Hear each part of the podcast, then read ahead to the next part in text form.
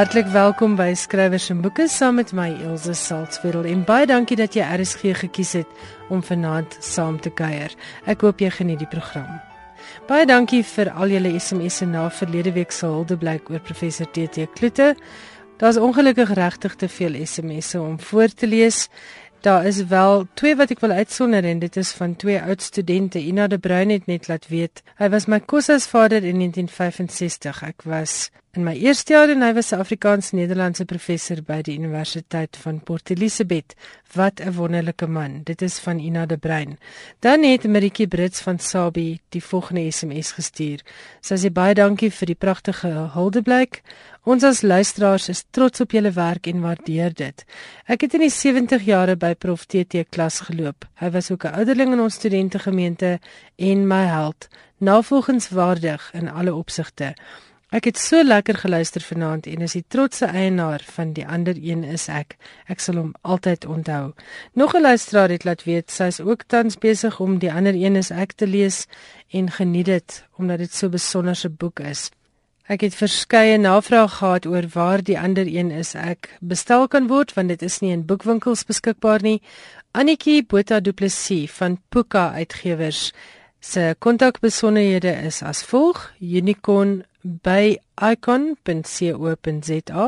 Dis natuurlik icon I C O N, die Engelse icon. En haar selfoonnommer is 082 967 2889. Annetjie het laat weet dat sy binnekort herdruk. Sy het in 2013 hierdie pragtige boek spesiaal vir boekversamelaars laat druk en bekend gestel tydens die Stellenbosse Woordfees. Die aanvraag was so groot dat sy later in 2013 weer 'n oplaag moes druk en nou wil sy spesiaal omdat so baie mense die boek versoek nog 'n oplaag laat druk.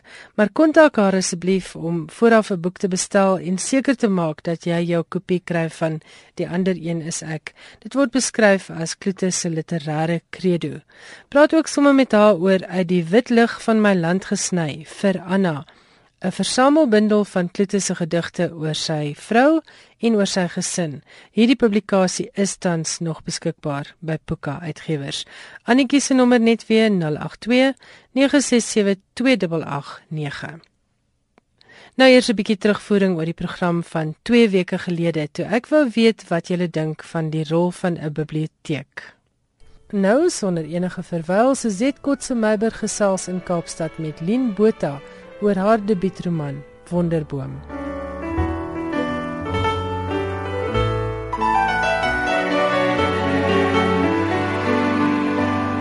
Hallo Lien en baie welkom by ons in die ateljee. Baie dankie Suzette, dis aangenaam om hier te wees. Jou debuut het pas verskyn met die mooi titel van Wonderboom. En dit is 'n wonderlike boek, moet ek nou sommer dadelik vir jou sê. So baie dankie. Ek het 'n ding oor begin van hoe 'n boek begin, mm -hmm. beginsin en ook 'n slot, maar dis nou 'n ander uh, saak. Ja. En jou jy begin jou boek so. Sy eet vandag gespreeu. Dit is maar 'n goeie affære. Die swart voeltjie waarvan die bietjie vleis effe bitter en taai so min is nadat dit oor 'n klein vuurtjie gerook is. Hoe kom 'n mens by so 'n boek uit? En wat lê dan vir die leser voor? Ek het seker by die einde begin. Ek doen dit baie met my met my visuele werk ook.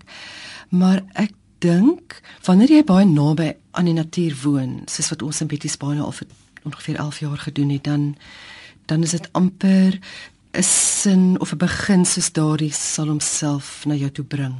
Jy weet, met jou waarneming van die diere en die plante en die insekte, jy weet die die wesens wat daar saam met ons en tussen ons vertoef. So Ek moet sê toe die sin om my te kom te weet ek goed. Ja, ek was geweldig verlig want, want ek het dit gelees en so oomblik gestop en gedink, ja, ek het lanklaas so goeie eerste sin, so 'n treffende eerste sin sure. gelees. Ja. Hierdie is 'n distopiese roman, toekomsvisie, sien nou maar 'n futuristies kan mense sê. En die vorige een dink ek wat ons in Afrikaans gehad het wat regtig 'n futuristiese roman was was um, Horrelpoot van ja. Eben Finter. Ja, ja. En Eben vat as die groot uitwisser, uh, vat hy vigs. Mm, maar jy mm. vat honger. En dis vir my 'n geweldige betekenisvolle verskywing as 'n mens ja. nou kan sê amper teen Maslow se tot op sy basiese vlak. Ja. Hoe het jy daarbey uitgekom? Al die aard van saak dink ek ons is in 'n tyd waar ons bewus is van voedselsekuriteit, jy weet op soveel vlakke. Kyk net voorbeeld nou na die bye, jy weet die kwessie omtrent die bye se wat onder bedreiging is. Op soveel vlakke dink ek is die tekens daar, jy weet, en die landbouers wat ook nogal onder druk is sosio-polities onder andere 'n droogtes, jy weet daai tipe goed, maar ek wonder altyd hoe op aarde gaan jy aan as jy honger is? Jy weet dit is daai ding van rasend honger. Ja. Jy hoor van kinders um in skole in veral die landelike gebiede wat omtrent die wat nie kan konsentreer, jy weet op ja. hulle werk nie, al daai goed. Ag die nuusberig, jy weet oor die een plek in die boek oor die ouma wat haar um klein kind doodgeslaan het met 'n curry omdat hy 'n hoenderboutjie gesteel het. Ja en dit is iets ek dink amper 46% van Suid-Afrika se bevolking wat nie voldoende eet nie. Teenoor die die oorvloed wat vir my net absoluut opseën is nog altyd eintlik en onbegryplik hoekom dit so is jy weet hoekom daar hierdie oorvloed is en dan hierdie honger. So daar's klaar spanning tussen ja. daai twee wêrelde ekstremiteite. En ek self voel geweldig geïntimideer deur deur 'n tafel met baie space jy weet ek sal skoon my eetlus verloor Jo, en die sprues, ek het hulle dopgehou, hulle is lastige voels. Ja. Dis nie voels wat mens aangeheg raak soos baie van die ander spesies nie. Maar hulle, ek het al gewonder sal mens julle, jy weet, as dit by die punt kom, hoe sal ek jou vang en hoe sal jy proe? Ek het dit nou nog nie ja. tot daar gevat nie, maar vir 'n skrywer om te besluit ek gaan 'n toekomsboek skryf. Nee. Maar hoekom nie oor nou skryf nie? Dit is eintlik nou, né? Aan die, die een deel van die storie.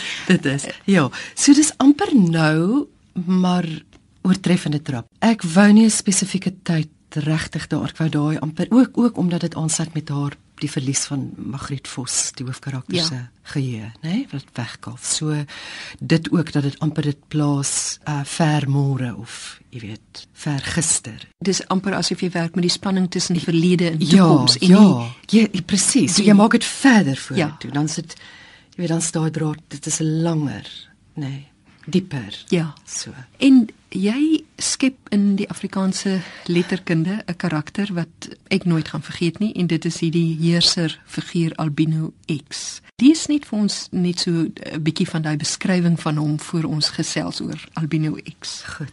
Uit die bloedlose evolusie van digitale DNA het hierdie bleek man, die man wat nie genoeg pigment in sy vel het nie, soos 'n silwervis die regte stroom op presies die regte tyd geklief lank en lenig met ysblou oë en presies die regte kokodoorbalans het Albino X op die rug van Amerikaanse deskundiges foutloos tussen kontemporêre debatte deur ingeskuif met 'n instinktiewe kapasiteit om mense vinnig en akkuraat op te som. Mens wonder of hy dalk gedagtes kon lees. Hy het mode en giere goed begryp met sy bleek wasagtige gestalte wat blink gepoets was van bo tot onder en nie 'n wenkbrau uitplek nie. Sy voorkoms en enige vorm van interaksie met die buitewêreld is haarfyn uitgewerk met die hulp van 'n skakelmaatskappy wat sterk ontstoot in die handelsmerk skrim. Sy regterhand, die androgene Griek Maniatis, is ewe onberispelik geklee met sy swart boskaas konsensieus weggebind na agter en twee haarstringe voor sy ore gekam sodat hy mense laat dink aan 'n verlore prinsesie met 'n geslagskrisis. Die profiel van die man sonder ouderdom moeilik om te bepaal as gevolg van sy kleurloosheid. In 'n wêreld geobsedeer deur die troop was in die kol. Gekonstrueerde fotos waar hy uitkyk na die landskap of waar hy taalpunt met sy vingerpunte uitgestrek staan en effens na links pyns, het elke keer die telbord laat vibreer. Daar was nooit 'n kind of kraai saam met hom in die fotos nie en sy privaatlewe was dus een lang riemtelegram. Binne 'n betreklik kort tyd het Albino X sy terrein vernuftig ingekatrol sodat hy binne 3 jaar die magsbasis in die Wes-Kaap laat tuimel het en verder noord kon begin opmars. Ja, as hy daarom nou nie rillings langs sy ruggraat afstuur nie, wil ek nie weet nie. Waar kom jy aan hierdie karakter? Hy is oral, jy weet, hy is die verbeter politikus, hy is die Mugabe, die Zuma tot 'n mate die aardskapitalis wat nie genoeg wat onversadig enige enige wese wat daai onversadigbare kapasiteit het om alles te wil hê, jy weet, alles te wil verorber en vernietig, in die proses vernietig sonder dat hulle dikwels weet. waar daar geen balans is nie. Die mens waar daar geen reality check is om te sê, "Sjoe, kyk wat doen ek?" of nooit kyk wat gaan die gevolge moontlik wees nie. En en daar's baie van hulle, hulle is nie hulle sit in maatskappye miskien of in die musiekindustrie, die kunswêreld, hulle is oral. Hulle is nie dis die, dit is eintlik die gevaar of die tragedie. Hulle is nie net in die politiek of in die weermag of in die ekonomie nie. Hulle is dink ek amper oral. Ek het 'n verdere, ek wil amper sê hom as 'n alter ego gesien, want jou boek is baie kompleks en dit is nie sommer maar net vir een keer lees en hmm. verstaan nie. Ja. Of, of daar's baie om deur lae te gaan en oor te dink en weer te dink. Maar ek het ook 'n alter ego gesien op 'n manier wat hy by Magriet aansluit. Hierdie vrou wat wil vergeet en wat amnesie het en sy vergeet dan ook na die einde van die boek toe haar hele vorige lewe. En daar was iewers vir my op 'n vreemde manier 'n skakel ook tussen die ou wit monolitiese mm. Afrikaner eh, mm, apartheidsregering. Ja, ja. Want die feit dat hy albino Mm. Dit dink ek is uh, werklik een van jou briljante ingewings is om juis hierdie albino te maak. Hy is die een ding, maar hy is ook die ander ding uh, albinisme is die afwesigheid van ja. van kleur in die natuur by diere by mense ja, ja. en nou het jy iemand wat eintlik dit moes gewees het maar hy's dit ja dis goed dis baie raak gevat hy verteenwoordig ook uh, op 'n manier 'n skadukant van van Magriet self dan. En daar kom ek nou by die betrokke skryf ding uit. Jy weet wat nou in die Afrikaanse letterkunde nou al vir so, so altyd 'n groot ding is. In die apartheidstaat, jy weet, was dit te verwagte dat skrywers betrokke sou skryf en hulle het ook. Maar toe kom die nuwe era en toe is dit asof skrywers deur hierdie tyd gaan wat hulle nie weet waar is hulle nou nie. En wat ek in die laaste tyd sien is dat skrywers hulle gryp terug na grepe uit die Afrikaner geskiedenis uit in Suid-Afrika se geskiedenis, maar jy kom plaas hierdie boek in die nou en jy bring die verlede by en dan gaan jy na die toekoms toe. As jy self dink oor ons toekoms, as jy self projekteer in die toekoms in, is hierdie van die goed wat jy sien. Sjoe, dis 'n gewigtige vraag, nee. Nee, nie noodwendig nie. Jy weet, dit is juis nie baie mense gaan dit sien amper as fatalisties o of ek is so negatief oor die land of goed maar dit is nie want as jy die, die laaste hoofstuks lees sal jy sien sy voel dat alles is nou eintlik waar dit moet wees. Mm. So hulle is alles afgestroop. Dit ja, dis en daar's 'n ekwilibrium en eintlik dis 'n ongelooflike land hierdie om in te om in te werk en te skep en en net bewus, jy weet, 'n wees, 'n wese wat skep te wees want daar is soveel materiaal. Ek ek het nou met Brent uh, Meistrie gepraat wie se uitstalling in, in by Olivenhuis in Bloemfontein geopen het en hy het vir jare in Londen gewoon en hy kon absoluut niks skep nie. Hy, hy was net vir 'n jaar absoluut stom. Hy ja. kon niks doen nie.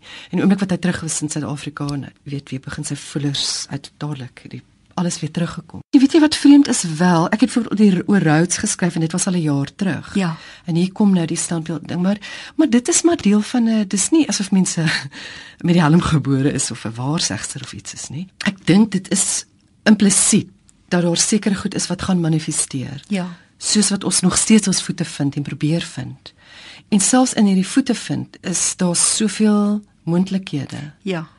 En kapasiteit, nê, nee, om te ontgin. Ek dink dit is ook uh, wat 'n boek soos hierdie ook dan vir 'n mens wys, is dit kan gebeur. Ja, maar dit is nie te sê dit Precies. sal gebeur nie, dit dit hang ja. van baie dinge af. Presies. Jou werk as kunstenaar, jy is al vir 25 jaar 'n kunstenaar, jy's baie bekend, jy's die wêreld oral uitgestal en ehm um, jou werk is aangekoop al internasionaal. Die kunsliefde was dit eerste, waar is die skryfliefde? Waar het dit gelê en wag? Sjoe, ja, dit is lank, né? Ons was geseënd as kinders om groot te word met wonderlike fantastiese verhale wat die wat ooms en tantes en oumas en oupas vertel het daar was altyd verhale en vertellings. En daar was altyd nog alles, daar was altyd 'n sterk liefde vir Afrikaans as 'n taal. So gelukkig, weet daai daai fundament was daar. Ek dink ek was net geïntimideer my hele lewe lank. Ek sou seker vroeër gedink ek sou graag dit wou waag. Maar jy het baie moed nodig, hoor. En ek wou aanvanklik net verhale skryf, anekdotes of tipe kort verhale. Um, of jy weet funkfiksie oor Betty Spy en interessante mense in die natuur en jy weet mense ervarings daar. En toe word dit gelukkig, toe word dit toe vat dit my, weet en dit word nou 'n roman, maar ehm um, ja, dis interessant hoe alles tog die tale kon ek nie kon ek nie toe ek die kursus by Tikkies gedoen het jare terug kon ek nie die mas daar opkom nie en dit moes nou maar lê en wag. Ja. Daar is soveel ander roetes wat ek toe aangepak het waaroor ek baie bly is want die aard van die saak het daai roetes vir my soveel materiaal gegee. So ek sien dit tog alles as iewers kom hierdie goed word nou saamgesnoer. Dank dankie daarvoor. Ja, want ek moet sê ek het regtig hierdie boek voel vir my soos 'n 'n besinning van jare oor life, the universe and everything as ek nou vir Douglas Adams kan aanhaal. Dankie. Jy het 'n klomp goed soos wat jy jou kunskollages stel ek my voor by mekaar bring. Op 'n manier is die boek se struktuur ook 'n collage en dit word verletterlik deur die sepia afdruk van dieselfde collage wat van hoofstuk tot hoofstuk geplaas word, maar in elke nuwe hoofstuk is daar stukke weg. Ja, soos ja. wat Magriet Ja. uh, se gedagtes dan nou ook um, haar, haar verlaat, soos sy sê. Is daar ooreenkomste tussen die kunswerkmaakproses en boekskryf? Ja, die boek is baie geïsoleerd. Ek het byvoorbeeld gevind daar kan nie lawaai en ander eksterne faktore is verskriklik. Dit druis verskriklik. So as die buurman nou weer daar die gras sny en die honde blaf, ek het nie besef dit is so erg nie, maar dit is werklik. Dis maar net hoe ek, ek dink baie skrywers voel so. Jy is so gegeewe in dit. Jy gaan heeltemal en as jy met jou karakters begin kommunikeer, hulle kom na jou toe. Jy weet jy is so verdiep in dit. Dit was nie dat dit met kuns nie so is nie. Ek dink net die proses van skryf ont, was vir my 'n ongelooflike ervaring, net om met woorde om die hele dag te sit miskien met die naam. Nee, dit gaan nie ver nie of dan sien jy o, daai kan dalk beter werk. Ja. Dit, dit was ja, ek die ontginning daarvan. Maar ek dink tog daai begin middel einde versamel die argief, Ja. die ensiklopedie. Dit is alles in die goed wat in die landskap is. Visueel is ook in die landskap in teks. Maar daar gaan sit, ja. ek sit baie minder as ek as ek kuns maak, jy weet. Ja. Dis nogal en ek ry en ek weet stop en so, praat met mense meer. Maar daar gaan sit 4 uur in die oggend. Hmm. Is dit hoe jy wat, een wat ding, jou hè? skryfpatroon was? Ja, dit was op veral op 'n kol en dan later sommer amper die hele dag. Sjoe. En as jy nou 4 uur begin het, aanvanklik tot wanneer dan?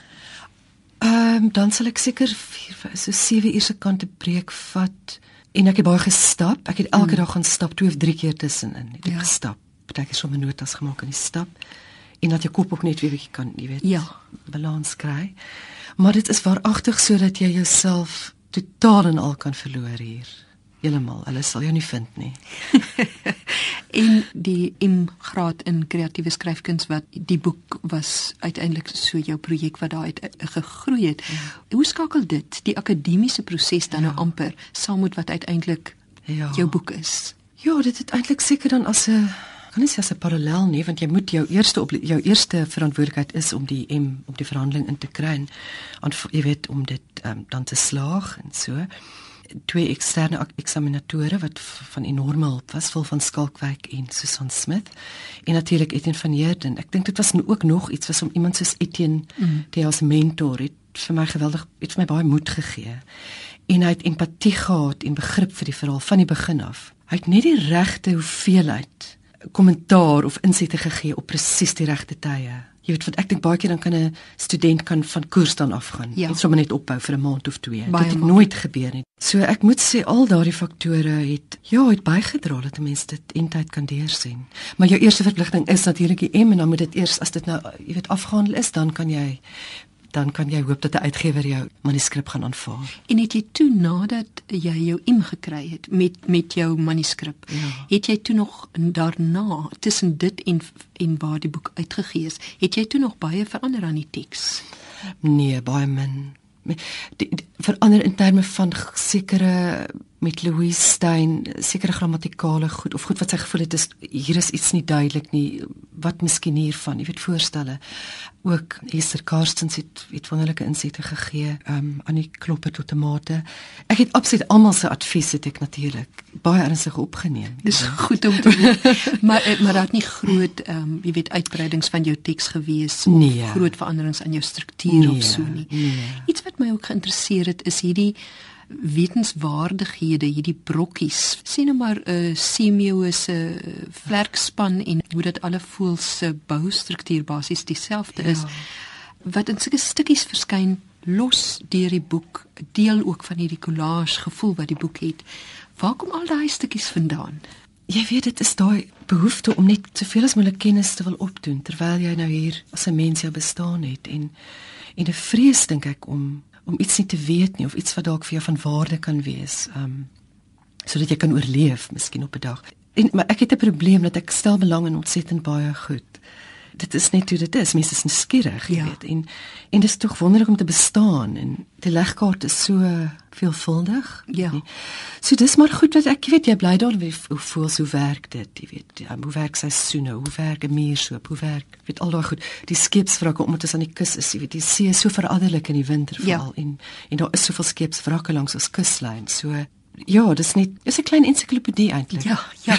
En, die ekologiese tema in jou boek is baie sterk. Ja. En dit dit hierdie bome en voels is byvoorbeeld van die goed wat voorop staan in wat in jou boek manifesteer. Ja, ja. Is dit ook 'n ou belangstelling van jou ook iets wat jy wat oor jare saam ja, met jou kom? Ja, absoluut, definitief. Ons het ook groot geword met 'n liefde vir bome. Ons was gelukkig daarmee. Ek is altyd baie hartseer as ek plekke sien waar op die Kaapse vlakte of jy weet waar mense woon en daar's nie bome nie dink ek wat 'n verlies. So ons is gelukkig van my my ooms het en my pa het die name van al die bome. Jy kan in die veld stap dan ken hulle al die name van die bome en ek kan vir jou vertel hierdie kan jy eet en dit kan jy nie eet nie.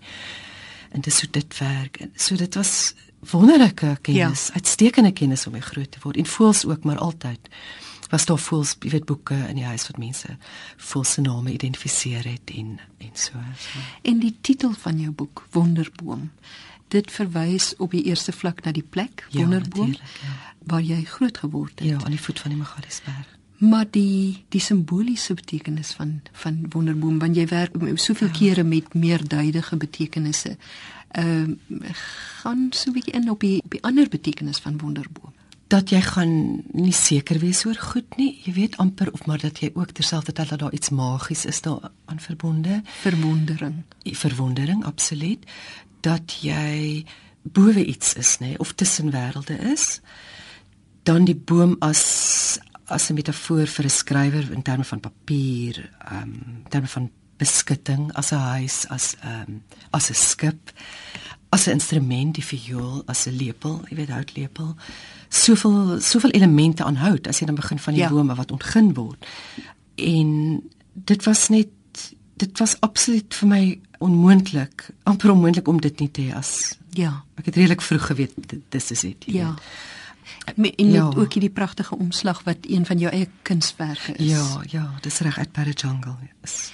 Een van die mooiste oomblikke vir my in die boek is ten spyte van al hierdie goed wat met Magriet hulle gebeur op hierdie ja quest eintlik van die Kaap af uh, waar sy nou op pad is na Wonderboom.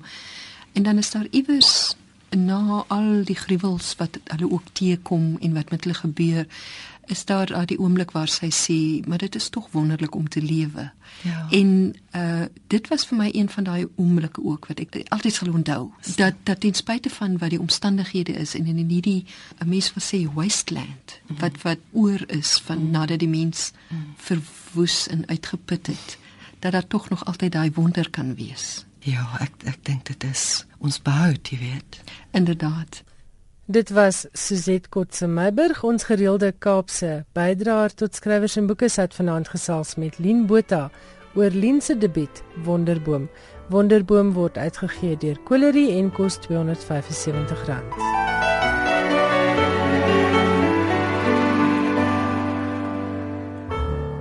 Ek gesels weer met Ansel Coulson. Ons het verlede jaar gesels oor Ansel se wonderlike leesprojek wat sy daar in die Noord-Kaap aan die gang het. Jy het vir ons vertel hoe geniet die mense dit om Afrikaans te kan lees en ek het vir die luisteraars gevra om vir jou boeke te laat kry as dit moontlik is. Hoe gaan dit nou met die projek? Ja, ons dit gaan baie goed met die projek. Dit gebeur natuurlik sodat mense hoe langer hulle met 'n projek besig is of met hierdie spesifieke projek verander hulle lewens uitkyk, hulle ehm um, ek wil amper sê hulle eie waarde, hulle fokus op hulle self, hulle ontwikkeling het natuurlik ook verbeter. Baie van hierdie vroue was toe met begin het met die projek was hulle of net huisvroue of hulle baie was afhanklik van 'n van 'n welsynstoelaag gewees van hulle het op die landerye gewerk. Jy weet ons is maar 'n boerderygemeenskap wat afhanklik is van die druiweboerdery en veeboerdery en so aan vir inkomste. So baie van hulle daar gewerk of dan nou net party was glad nie in enige diens nie. En hulle het hulle self beywer om hulle eie lewens te verbeter. Hulle leesmaak het verbeter. Ek kry deesdae baie versoeke vir hulle soek byvoorbeeld Dion Meyer se boeke, hulle soek Leon van Nierop se boeke. Hulle so waar hulle aanvanklik tevrede was met net 'n roman, soek hulle nou na leesstof met iets meer om die lyf. So dis baie interessant om te sien hoe hulle ook groei en ontwikkel soos wat ons nou aangaan met die projek. Met ander woorde wat jy sê is hierdie boeke wat jy vir die mense verskaf en wat jy na ver afgeleë plekke toe neem, het uiteindelik mense bemagtig. Dit was 'n vorm van terapie. Ja, ek glo so. En weet jy wat ons baie keer doen is, ek bied so een keer 'n kwartaal in van hierdie gemeenskappe bied ek 'n skryfwerkswinkel aan waar ons skryf as terapeutiese proses gebruik. Want baie van hierdie vroue waarmee ek werk het ook een of ander trauma al in hulle lewens deurgemaak. Natuurlik is ek in die tronk ook besig. Ek het by korrektiewe dienste ook so 'n groep met die vroue daar, vroue gevangenes wat by hulle is. En ehm um, dan vind jy dat hierdie vrou het al soveel seer in haar lewe deurgemaak dat sy het haar selfvertroue langs die pad verloor. Sy wil nie meer beklei vir haar eie plek in die son of vir wat sy inglo en die lees en die skryf het stelselmatig daarvoor gesorg dat hulle weer in hulle self glo en dat hulle weer voel maar hoor ek wil opstaan. Ek wil um, my lewe iets van my lewe maak. Om net vir jou nou nog 'n voorbeeld te noem van groei in hierdie gemeenskappe. Ons het nou in vier van die gemeenskappies waar ek werk, het hulle um, departement van sportkuns en kultuur nou die fasiliteerders van my leesgroepe genader en gevra wil hulle nie die biblioteekies vir hulle beman nie omdat hulle hulle eie groepe so goed bestuur het, kry hulle nou opleiding by hierdie departement en hulle gaan nou elkeen 'n eie biblioteek man wat dan nou deur die uh, departement finansier gaan word. Dis fantasties. So ek dink ja, ek dink die grondwerk is gedoen. Evelien Bekker het onlangs vir my gesê, weet jy, as dit vir hierdie leesprojek was, dan het ek nou nog rustig my wasgoed gewas en my huis skoon gemaak. Meen nie dat daar foute is daarmee nie, maar het moontlikhede vir haar oopgegaan. Ja, die wêreld het letterlik vir haar oopgegaan. Kort jy nog boeke? Weet jy, ek hou daarvan om boeke te kry want die vroue, ek kan nie voorbly nie. Ek het gister weer 'n besending van Milton Boone gekry. Hulle geniet natuurlik die groot druk omdat baie van die ouens het maar probleme met hulle oë en dan natuurlik van my ouer lesers ook hulle verkies groot drukboeke. So ehm um, ek kan ek kan glad nie voorbly nie. Geef my weer jou kontakbesonderhede dan kan luisteraars met jou in aanraking kom as hulle boeke wil skenk. Waar presies is jy Ansel? In Appington. Appington. Appington woonagtig en ons doen die projek in ehm um, Appington en omgewing. Ek ry so ver soos op Grabies en dan nou Swartkopdam in die Kalahari, Nonipit. Ehm um, ja, so ek ry so 150 km radius rondom Appington omgewing. My e-posadres is my naam A N Z I L. Ja. Die voorletter van my van K ja. @atkv.org.za. Ja. ja, want jy is 'n ATKV projek organiseerder ook in die Noord-Kaap, né? Nee? Dis reg, ja, ek doen hierdie projek vir die ATKV. Hulle befonds die uh, boeke en ook dan natuurlik die projek Ek herhaal net gou weer die adres. Dis A N Z I L K by atkv.org.za. En het jy 'n telefoonnommer? Dis 083 704 0221. En dit is vir luisteraars wat wil bydra tot Ansel Coulson se Noord-Kaap leesprojek. Dis 'n wonderlike projek waaroor ek verlede jaar ook met haar gesels het. Sy neem boeke na ver afgeleë plekkies en sy het nou vir ons vertel wat so groot verskil hierdie boeke aan mense se lewens gemaak het. Ansel baie dankie vir jou werk in die in die boekbedryf en in die letterkunde. Ek hou duim vas dat hierdie projek van krag tot krag sal gaan. Dankie Elsa. Ek herhaal gou weer Ansel Coulson se adres as jy vir wil kontak oor boeke vir haar Kalahari leesprojek.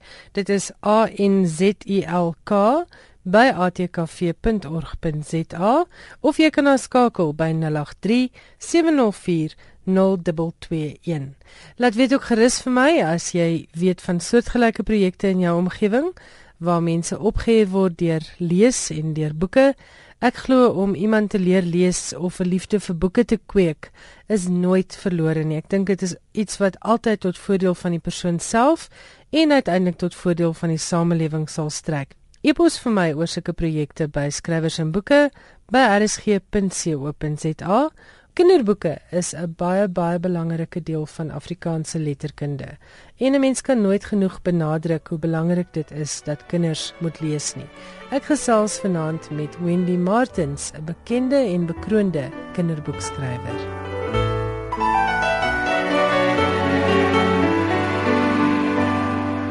Wendy, baie welkom by Skrywers en Boeke. Baie dankie Elsie, dit is lekker om hier te gesels. Wendy baie luisteraars ken jou dalk as 'n tydskrifjoernalis of rubriekskrywer vir tydskrifte soos Lig, maar jy is ook 'n bekroonde kinderboekskrywer wie se werk al in meer as een van ons amptelike tale vertaal is en wie se boeke boonop op skool voorgeskryf word. Vertel 'n bietjie van jou pad met woorde. Elsie, ek is 'n kindertuinjuffrou. Ek was 22 jaar lank 'n graad 3 juffrou gewees en 'n groot deel daarvan het ek vir die kinders van Kloetiswil en Kayamandi op Stellenbosch skool gehou.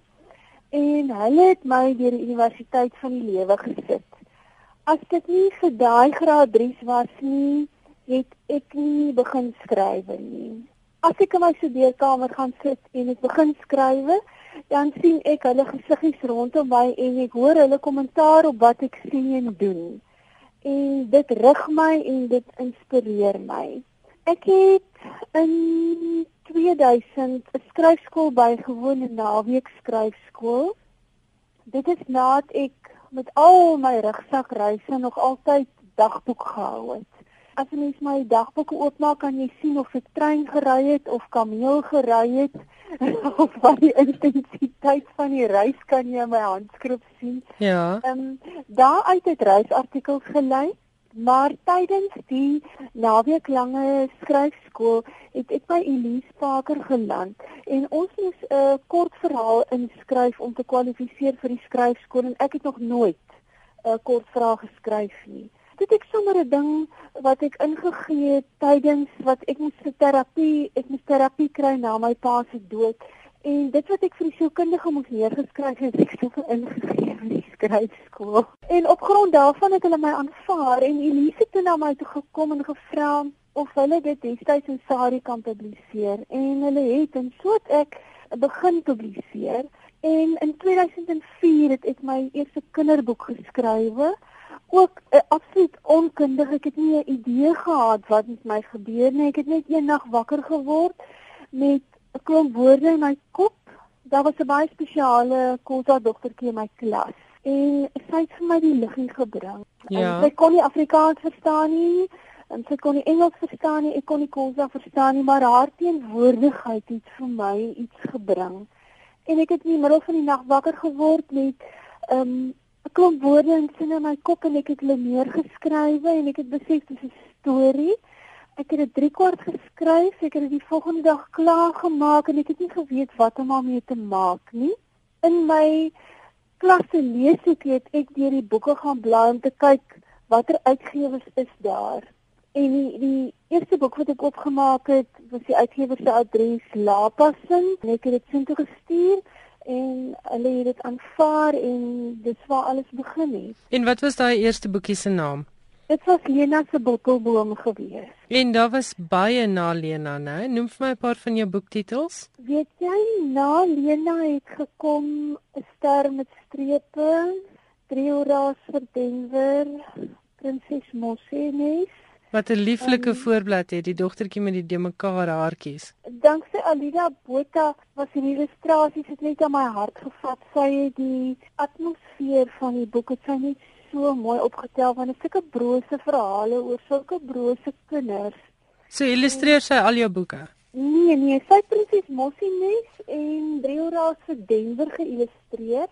Die ander is deur ander illustreerders geïllustreer en wat net vir my altyd so interessant is, ek het nie um, regtig te maak met die keuse van die illustreerders nie, maar hulle kom elke keer asof hulle gestuur is die illustrasies is net perfek. Daar's 'n groter hand wat daaroor besluit en alles werk net altyd so mooi uit. Maar na dit het uitgekom in die mooiste diere stories, sprokies en ander gunsteling stories, eendag op 'n een reendag, my eerste atlas, wonderlike ware diere stories, die beste Suid-Afrikaanse spookstories. Dan het daar einde laas jaar uitgekom vertel vir my 'n storie. Dis 'n bundel met sprokies wat ek verwerk het om spesifieke waardes aan te spreek. Ja, dis 'n dit is 'n pragtige boek. Hy lê my baie na in die hart. Ek moet sê, dis weer die skooljuffrou wat daar nie verstaan. En dan het daar diere ABC uitgekom.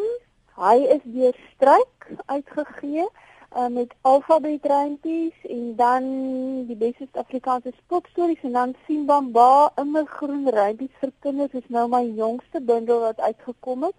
En dis al ons volksversies ons ons erfgoed is al daai goed wat ons oupas en oumas ons gelees sê het en wat 'n mens sukkel om in die hande te kry want hulle is nêrens in druk. Ja, dis baie waar. Ek het na jou boek gekyk en ek was verstom hoe baie van my kleintyd se herinneringe terugkom toe ek na die rympies kyk. Die soek tog na die rympies was 'n wonderlike reis gewees en dit was weer eens terwyl ek skool gehou het, die saadjie gesaai Ek het elke jaar met my graad 3 het ons rympies gedoen. Elke dag opgesê, gespeel, uitgetel, tou gespring daarmee en dan op 'n sekere tydstip in die jaar dan die rympies opgeraak. Ja. Dan is hulle huis toe en dan hulle by oupa en ouma gaan hoor wat die nog ken. En dan is ons biblioteek tannie toe en dan het sy vir ons nog een of twee gehavende boeke iewers uit die stoor gehaal en dan is die rympies op. Maar na Simbamba is daar 'n hele nuwe versameling wat daai biblioteek tannies maar in gedagte kan hou, né? Ja, hulle kan. En wie ek net besef ons rypies is in die moeilikheid. Almal onthou 'n strofe of of of een of twee reëls, maar niemand onthou meer die volledige goed nie. En die ouer mense wat dit ken, um, is besig om aan te stap. En um, ek wou hulle tussen die bladsye van 'n enkele bundel byeenbring om aan te gee vir die kinders, om aan te gee vir ons Afrikaanssprekende kinders in die buiteland en vir ons wat daarmee groot geword het wat dit tussen die bladsye van 'n enkele bundel teen die hart wil hou en kan weet. Dit is hier al het ek 'n deel daarvan vergeet ek kan hom oopmaak en ek kan hom lees en ek kan lekker kry Ja, ja. Wendy, ek hoor die onderwyseres as jy met my gesels oor die kinders, ek hoor die passie vir die kinders.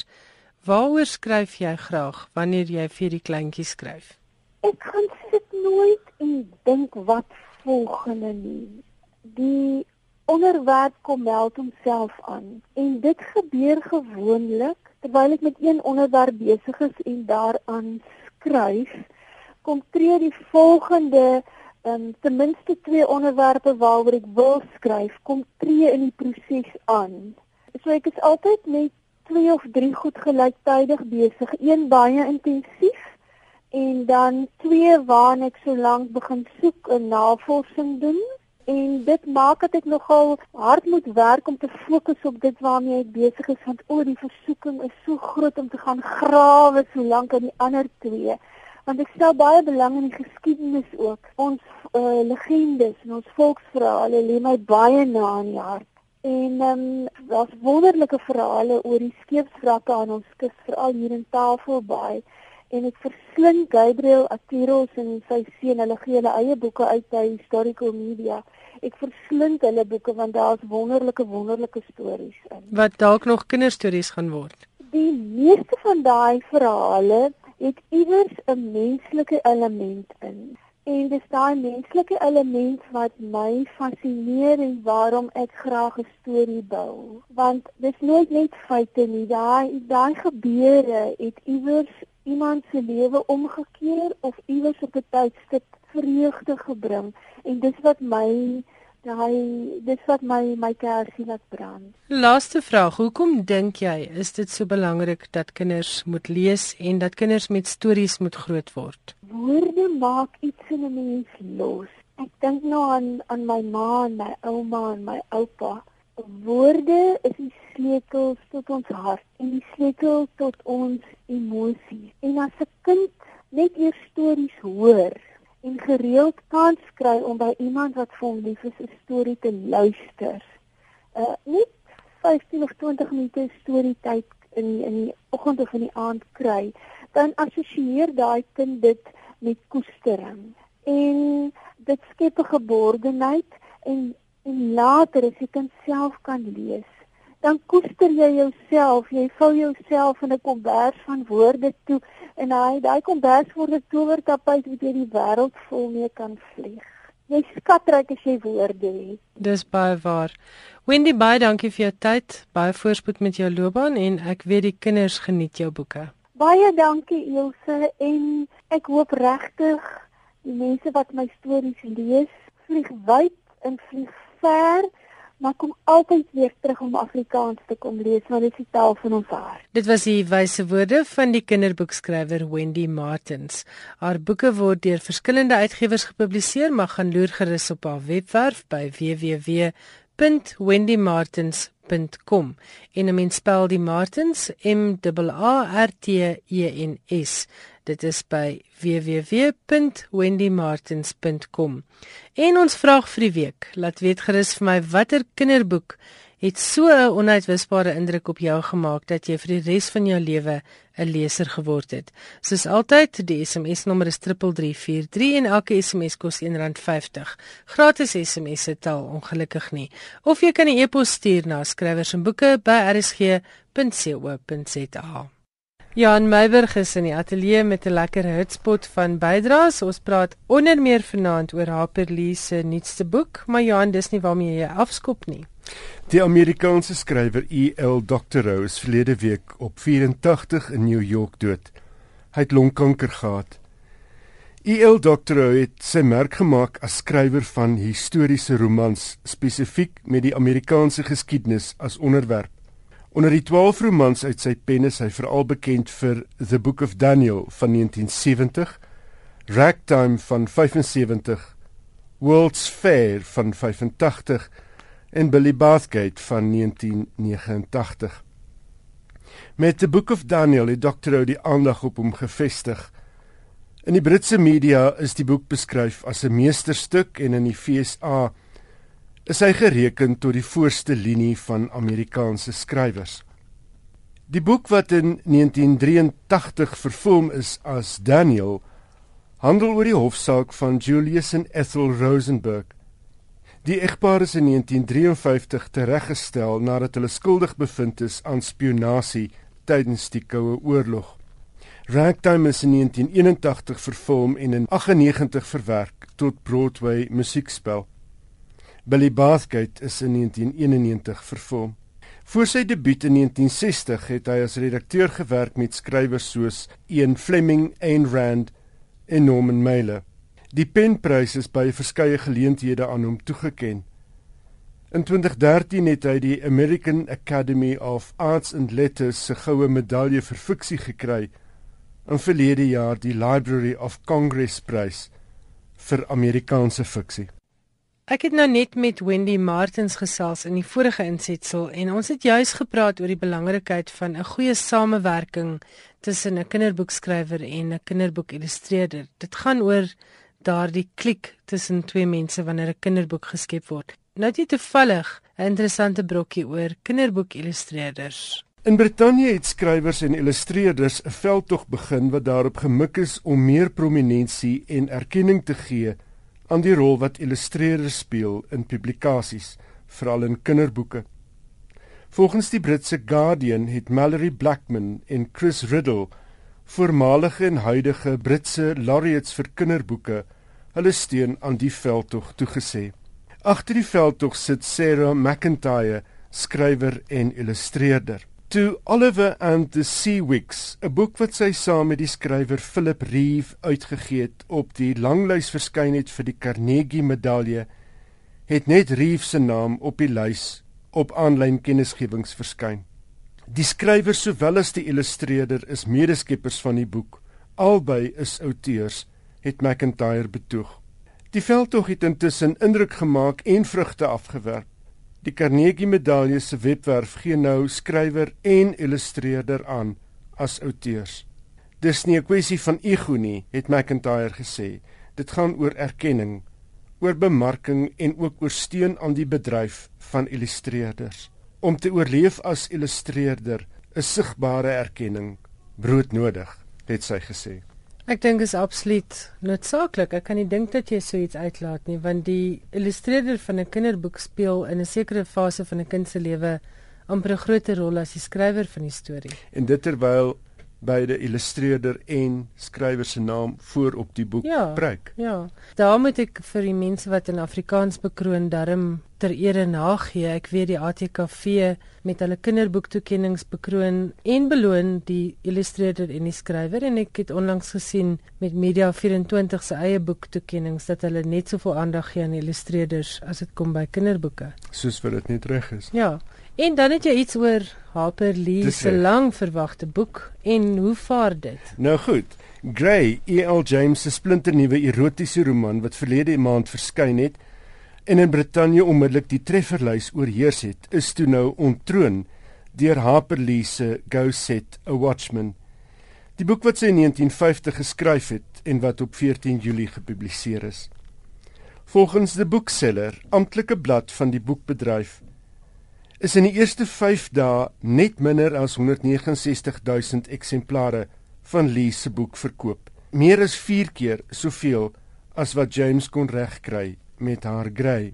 Lee se uitgewer, William Heineman, het gesê as die e-boekverkope van Watchmen ingereken word, kom die syfer op 207000 eksemplare te staan.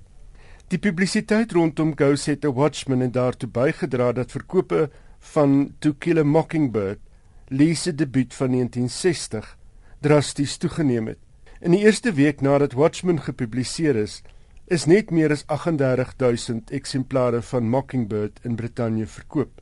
Reken mense die digitale eksemplare in, kom die syfer te staan op bykans 70000. Verlede week het die Amerikaanse uitgewer HarperCollins aangekondig dat 1,1 miljoen eksemplare van Lee se Watchmen reeds in die FSA en Kanada verkoop is. Kortliks gou iets oor die agtergrond van die boek. Harper Lee, nou 89, blind en doof, is in Monroeville in die Amerikaanse deelstaat Alabama gebore en woon steeds daar. In 1960 het sy die Pulitzerprys gewen vir To Kill a Mockingbird. Sy het wel Go Set a Watchman in die middel 50s voor To Kill a Mockingbird geskryf. Haar uitgewer het haar egter destyds aangeraai om 'n ander boek te skryf gefokus op Scott, die protagonis. Die gevolg was die klassieke Mockingbird oor rasisme soos hy dit ervaar het in Monroeville. Lee wat na Mockingbird geen ander boek gepubliseer het nie, het gemeen die manuskrip van die eerste roman het weggeraak, maar 'n prokurerende jarelange vriend het in Augustus verlede jaar op die manuskrip afgekom. En dis die boek wat nou gepubliseer is. Nou resensente verskil in 'n lesing van Go Set a Watchman.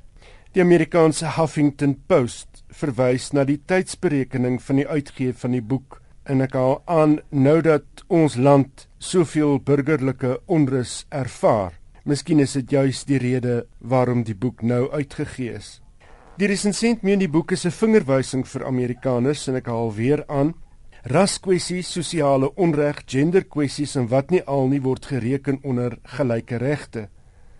En dit hoort nie tot die verlede nie. Ons het nodig om te leer uit ons geskiedenis en om te besef wat werk en wat nie. Rassisme werk nie, seksisme werk nie. Haat is aangeleerde gedrag en dit werk nie. The New Yorker het 'n ander siening en meen die verloop van die tyd het die boek se sukses gekelder.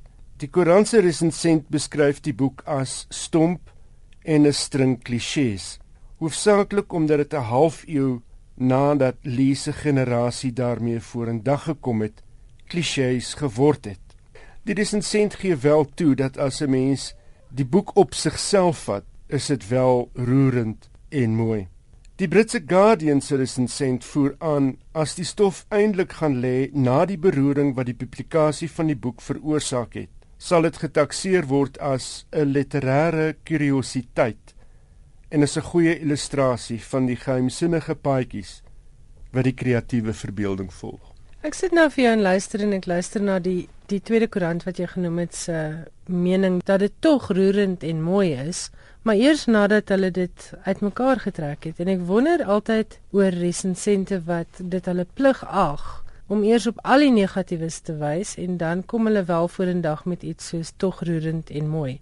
Is dit nie uiteindelik maar hoekom mense storie lees nie? Ek het kort gegaan as mens die hele New Yorker resensie lees, dan sê hulle Ja goed, dit is dit is roerend, dit is meesleurend, maar daar het reeds 50 jaar verloop nadat die boek geskryf is. En daai 50 jaar het baie dinge gebeur en Mockingbird het tussenin gekom. En as mens al hierdie geskiedenis in gedagte hou, dan is dit 'n klein bietjie ons het dit alles al gesien, ons het dit alles al geweet. Hmm. En dit die, die probleem wat daar is in sent het spesifiek is dat daai daai tyd wat verloop het, die boek sy trefkrag ehm um, laat verloor het. Ek verstaan dit ook, maar ek voel tog Ek sien dit baie in die Afrikaanse boekbedryf. Dit het so half mode geword om iemand eers heeltemal uitmekaar te skeer en aan die wasgedraad op te hang en dan vir allerlei ander redes behalwe uiteindelik die boek en die inhoud van die boek. En dit is my beswaar. Ek dink daar kort weer 'n kursus in resensiekunde of wat sou mense dit noem? Was daar al 'n kursus in resensiekunde? Ek weet nie, ek weet nie, maar ons moet dalk daaraan dink om een in te stel. Johan Meiberg, baie dankie. Soos altyd baie interessant daarmee het ons ongelukkig aan die einde gekom van Finansies Skrywers en Boeke. Baie dankie dat jy saamgeluister het. Die SMS nommer soos altyd is 3343 en elke SMS kos R1.50. Jy kan ook 'n e-pos stuur na skrywersboeke@rsg.co.za of natuurlik sommer direk na die ateljee via ons webwerf.